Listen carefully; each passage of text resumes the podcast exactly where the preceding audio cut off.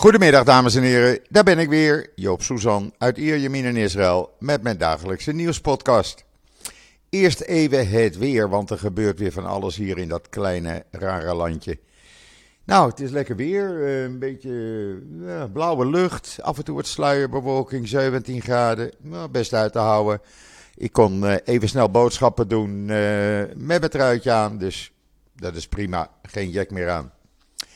En dan het nieuws in Israël. En ik ga niet beginnen met uh, de COVID-situatie, maar ik ga beginnen met de rel die steeds groter wordt over de spionagesoftware die gebruikt wordt door, of gebruikt werd door de Israëlische politie.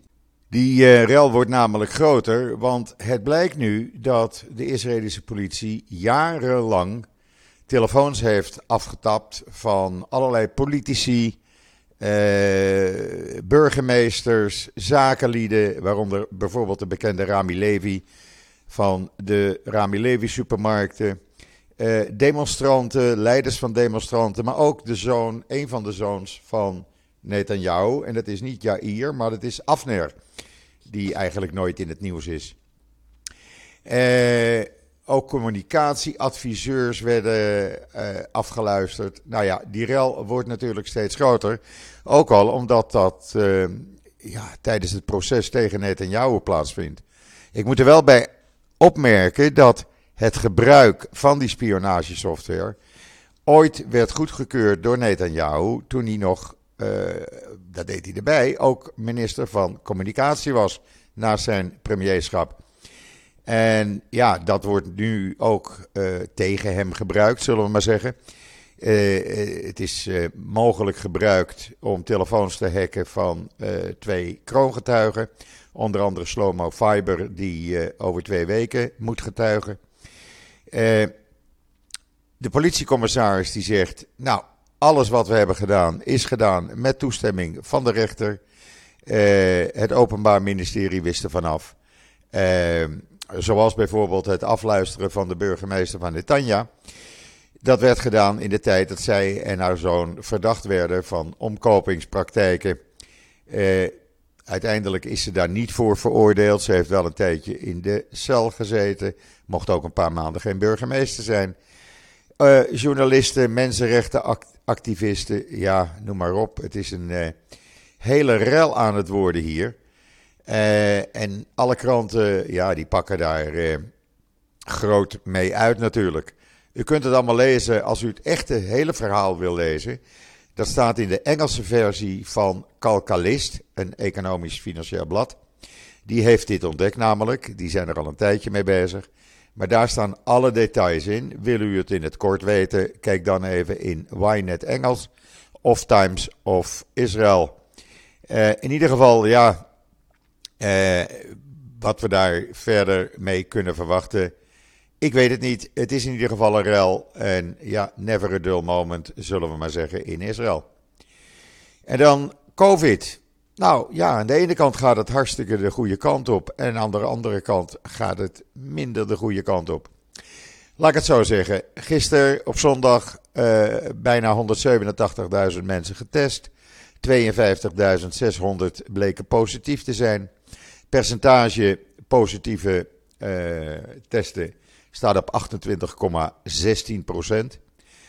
Uh, in Nederland uh, royaal over de 61 procent, zag ik gisteren. En stijgende. Er zijn nog slechts, tussen aanhalingstekens, 323.911 actieve viruspatiënten in het land. Dat is ook weer gedaald met zo'n 14.000 ten opzichte van zaterdag. Duizenden hebben helemaal geen klachten. Duizenden hebben lichte, hele lichte klachten. En duizenden hebben milde klachten. Er zijn er niet veel die echt thuis heel ziek zijn. Uh, in de ziekenhuizen 28 minder ernstige patiënten. Dat zijn er nu nog 1235. 377 kritiek, dat zijn er wel 11 meer dan op zaterdag. En 292 liggen er aan de beademing. Er zijn opnieuw veel mensen overleden, 41, waardoor we nu 9180 uh, mensen hebben die overleden zijn aan het virus. ministerie van Volksgezondheid meldde dat ruim 1.805.000 Israëli's sinds het begin van dit jaar positief werden getest op COVID-19. Dat is uh, zo'n 20% van de bevolking, oftewel 1 op de 5. In Nederland zie ik is dat uh, 2 op de 3. Het aantal uh, viruspatiënten onder medisch en verzorgend uh, personeel gaat gelukkig naar beneden. Dat stond 12 dagen geleden nog tegen de 10.000. Staat nu op 5.145. En dan het belangrijkste nieuws met COVID. De groene pas, vergelijk dat maar met de QR-code die jullie in Nederland hebben. Die is vandaag, vanaf vandaag ja, eigenlijk min of meer afgeschaft. Hij geldt alleen nog voor uh, risicovolle evenementen, zoals dansclubs, grote evenementenhallen waar artiesten optreden of grote bruiloften. En voor de rest, uh, met uitzondering van mondkapje op in drukke plekken en publieke binnenruimte, kan je overal naartoe, ook als je niet gevaccineerd bent. Dat is dus uh, met ingang van vandaag. Want ja, het heeft geen zin meer, zegt men ook hier bij uh, uh, het ministerie van Volksgezondheid. Want zoals de directeur-generaal, professor As zei, Omicron besmet ook gevaccineerden. daardoor heeft die groene pas helemaal geen effect meer. Dus nou, dan hoef je hem eigenlijk niet meer te gebruiken. heel simpel gezegd, we kunnen eigenlijk ons normale leven min of meer weer leven maar wel met uitzondering dan van die evenementen waar je dan uh, moet laten zien dat je nog uh, een groene pas hebt. En een mondkapje op in uh, winkels, winkelcentra en andere publieke ruimte. Nou, dat is natuurlijk helemaal geen probleem. dus de meeste mensen, bijna iedereen eigenlijk, doet dat ook. Waar ik in Nederland gisteren zag een artikel dat slechts 51% een mondkapje draagt waar het verplicht en nodig is. En dan, uh, ja, hebben we toch wel een probleempje door uh, die Omicron. Want, uh, en niet alleen door die Omicron eigenlijk, er is een tekort aan bloeddonaties. Dat heeft gedeeltelijk te maken met Omicron, maar er zijn weer van die ultra-religieuze groeperingen die het niet eens zijn met de beslissing dat ook homoseksuele mensen uh, bloed mogen doneren. En daardoor uh, hebben ze hun uh, volgers opgeroepen om geen bloed meer te doneren. Dat zijn hoofdzakelijk ook yeshivas. Ja, en dan krijg je dus een, heb je dus een tekort. En hoe we dat gaan oplossen, daar zijn de geleerden het nog niet over uit. En dan is er iets bijzonders bekendgemaakt. Het staat al op israelnieuws.nl, zoals bijna al het nieuws wat ik u met u bespreek. Als het eh, aan Israëlische wetenschappers ligt, kunnen verlamde mensen over een paar jaar weer lopen. Jazeker. En hoe hebben ze dat gedaan? Ze hebben uh, uh, een wereldpremeur eigenlijk gedaan. Ze hebben 3D geprinte menselijke ruggengraat geïmplanteerd in verlamde muizen. En daar hadden ze twee groepen muizen voor. Muizen die acuut, uh, acuut verlamd raakten, dus kort geleden. En muizen die chronisch verlamd waren. En na die implantatie keerden bij 100% van de muizen die acuut waren verlamd, uh, die konden weer lopen. En 80% van de muizen die chronisch waren verlamd, die konden ook weer lopen na implantatie. Dat is een hele technologie. Uh, het wordt uitgelegd door de professor die het onderzoek leidde, professor Zwier van de Universiteit van Tel Aviv. En uh, hij zegt de technologie is gebaseerd op het nemen van een kleine biopsie van buikvetweefsel. Uh, dat weefsel is zoals alle weefsels in, in, ons lichaam bestaat dat uit cellen met extra cellulaire matrix, zoals stoffen als collageen en suikers. Nadat we die matrixcellen hadden gescheiden, werd het genetisch gemanipuleerd om de cellen te herprogrammeren en ze terug te brengen naar een toestand die lijkt op embryonale stamcellen. Nou, hij legt dat dus helemaal uit en het werkt dus. En ze gaan nu binnenkort, ze hebben daar toestemming voor aangevraagd, ook bij de FDA in Amerika, gaan ze beginnen met proeven op mensen die verlamd zijn. U kunt het helemaal lezen met schema en video in israelnieuws.nl, want dit is echt wereldopzienbarend. Ik zag ook al dat het in Amerika groot werd gebracht, in Engeland. Ik weet nog niet of het in Nederland in kranten staat. Maar dan weet u er in ieder geval vanaf. Lees het op israelnieuws.nl.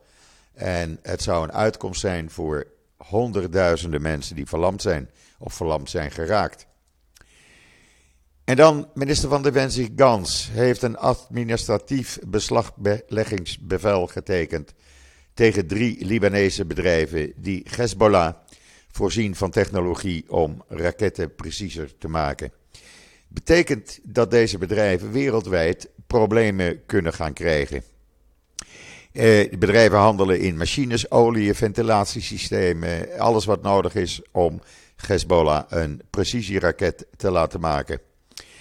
Eh, en die bedrijven, dat zijn de bedrijven Tufali, uh, Mubayet en Barakat, die worden nu internationaal op een zwarte lijst van financiële systemen wereldwijd geplaatst. Goed besluit van Gans, zo pak je ze ook aan. Eh, en dan, wat hebben we nog meer in het nieuws? Nou, dat zal ik u zeggen.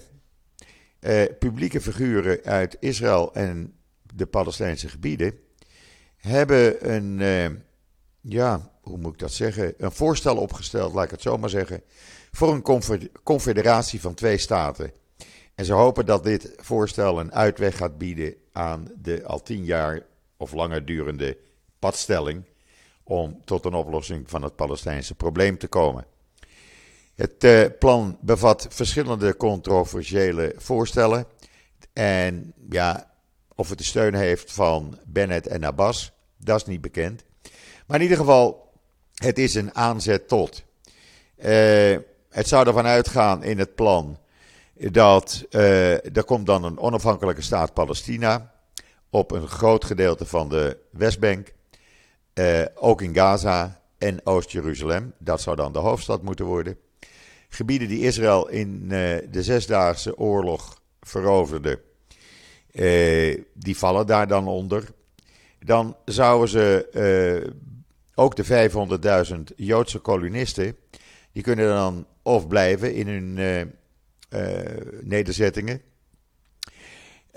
Of ze kunnen onder Palestijns bestuur gaan leven. Grote nederzettingen die worden onder Israël ondergebracht. Dus het gaat niet om 500.000, dan zal het om een 100, 200.000 gaan maximaal. het is een heel plan. U kunt het lezen in de Engelstalige Wilet, Wynet. En ja, of het wat wordt, ik heb mijn twijfels. Maar goed, je weet het niet. De wonderen zijn de wereld nog niet uit. En dan voor het eerst. Uh, vanmiddag wordt daarover uh, gestemd. Maar volgens iedereen, alle kranten, uh, televisie en iedereen die erbij betrokken is, gaat het door. Dan zou mevrouw Gali Baharaf Miari de eerste vrouwelijke procureur-generaal van Israël worden. Zij is de favoriet van de minister van Justitie. De meeste ministers zijn ook voorstander. En zij gaat dus uh, Avigai Mandelblit opvolgen, uh, die verleden week, 31 januari, met pensioen ging. Ze krijgt het meteen voor de kiezen, want we hebben natuurlijk de zaak met Netanyahu, de pleidooiovereenkomst. Uh, wel of niet. Uh, het afluisterschandaal nu met de Israëlische politie. Uh, nou ja, ze kan er meteen tegenaan. Ze schijnt een hele gehaaide uh, jurist te zijn die haar sporen heeft verdiend. Leuk dat dat gebeurt. En dan, zonder dat iemand het wist, vanmorgen opeens een surprise Gaza-oefening van de IDF om uh, te testen de paraatheid van het zuidelijk commando.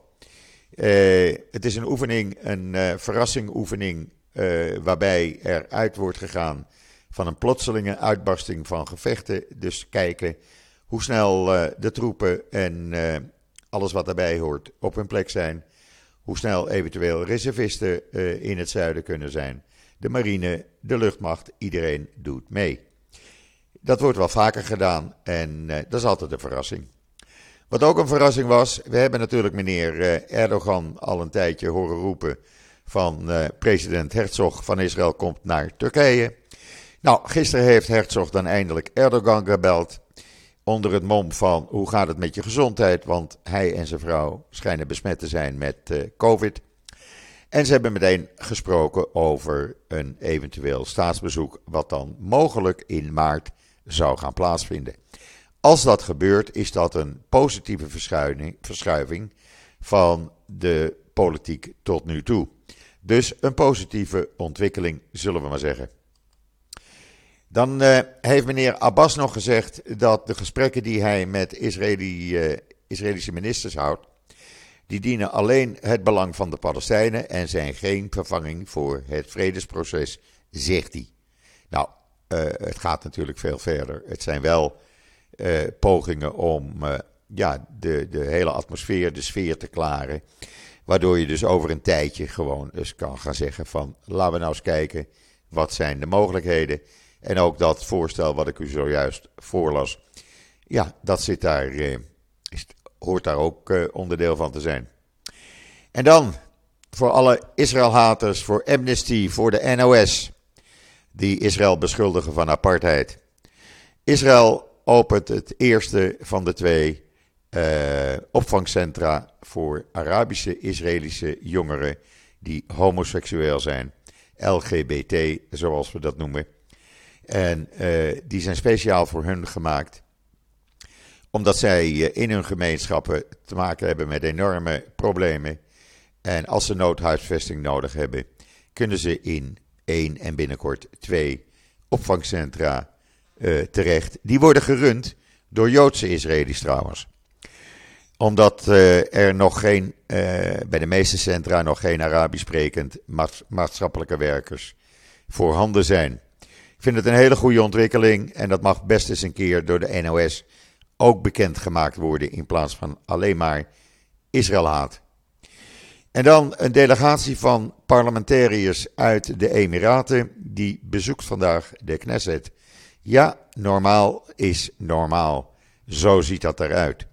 Ondertussen is de hoogste politiechef van Israël, Kobi Shabtai, in de Emiraten op visite, want ze gaan samenwerken. Er komt een Israëlische politievertegenwoordiger bij de Israëlische ambassade in Dubai.